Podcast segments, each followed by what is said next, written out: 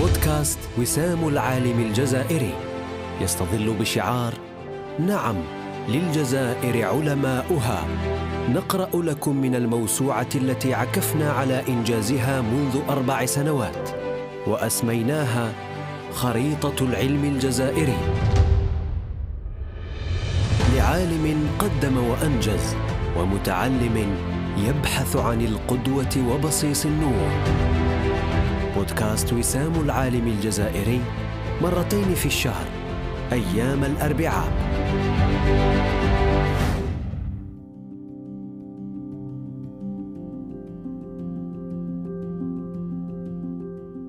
العدد الخامس والعشرون حول المسيرة العلمية للدكتور حمود حنبلي شهيد الدعوة والعلم.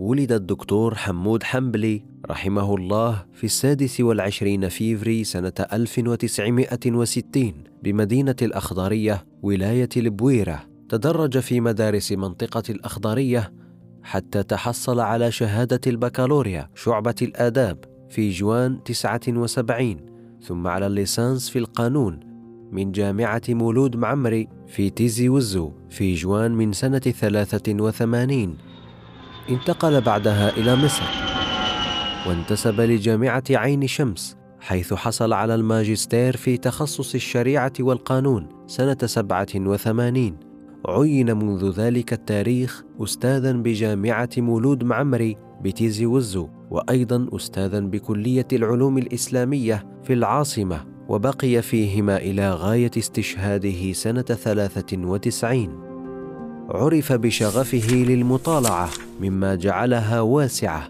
وعرف أيضا بتقديسه للوقت وأيضا بتمكنه في اللغة العربية وهو الأصيل ابن منطقة الزواوه كما كان يحفظ متن خليل في الفقه والألفية لابن عقيل وكثيرا من المتون في العقيدة والحديث وعرف عنه أيضا تمكنه في المواريث.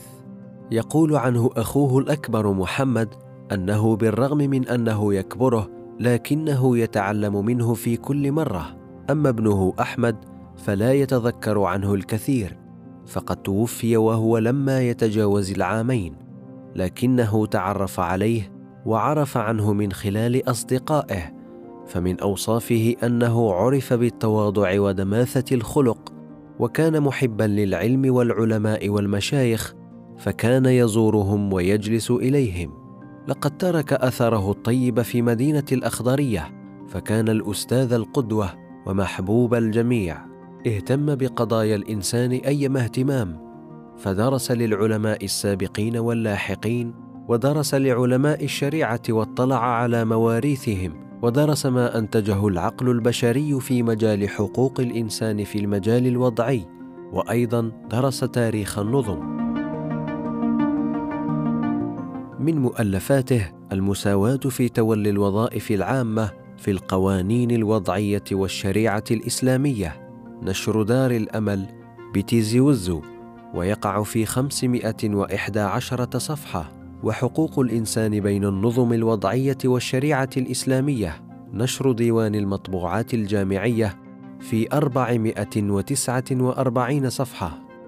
ومن مطبوعاته الجامعية محاضرات في التكوين الديني ومحاضرات في قانون الأسرة في السنة الجامعية سبعة وثمانين ثمانية وثمانين ومدخل إلى دراسة الشريعة الإسلامية في السنة الجامعية واحد وتسعين اثنين وتسعين والجريمة والعقوبة في الشريعة الإسلامية السنة الجامعية اثنين وتسعين ثلاثة وتسعين وكانت كل المؤلفات في معهد العلوم القانونية والإدارية تيزي وزو.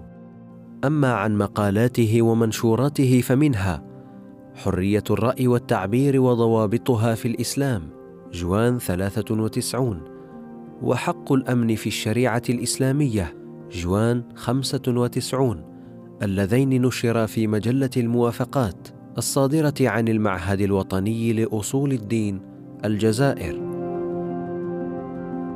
شهيد الدعوة الدكتور حمود عرف عنه مشاركاته الكثيرة والمتعددة في الملتقيات والندوات العلمية داخل الجزائر وخارجها كما عرف بنشاطه في مساجد ولايتي البويرة وتيزي وزو فكان يعقد حلقات علم في بعض مساجدها إضافة إلى دروس الوعظ والإرشاد وجلسات الصلح فأشرف على حل الكثير من النزاعات والقضايا بين أطراف شخصية أو معنوية عائلات عروش قضايا ميراث والصورة الأقرب هي ما يقوم به رفيق دربه الشيخ سعيد بويزري.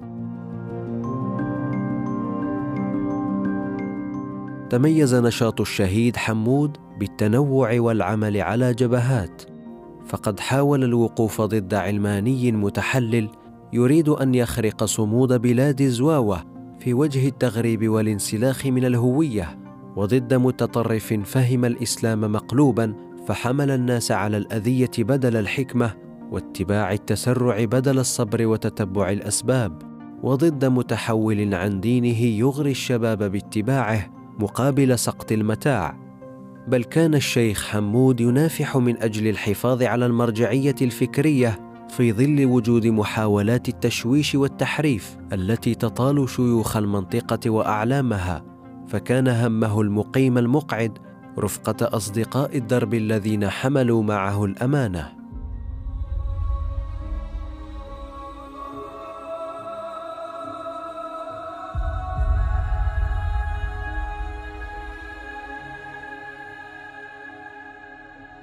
لم تمهل الأقدار الشاب حمود من مواصلة طريق العلم والدعوة فاغتالته أيادي الغدر اياما قبل مناقشته لأطروحة الدكتوراه في التاسع والعشرين سبتمبر ثلاثة وتسعين عند مدخل جامعة تيزي وزو.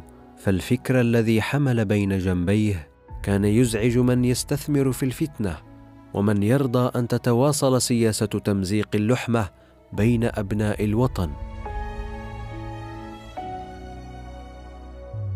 واعترافا بالجميل ورغبة في تكريمه قام صديقه الدكتور سعيد بويزري بمناقشة أطروحة الدكتوراه بدلا عنه والتي كانت بعنوان حقوق الإنسان بين النظم الوضعية والشريعة الإسلامية بتاريخ 30 نوفمبر 94 وبهذا حصل على الدكتوراه في الشريعة والقانون بعد وفاته.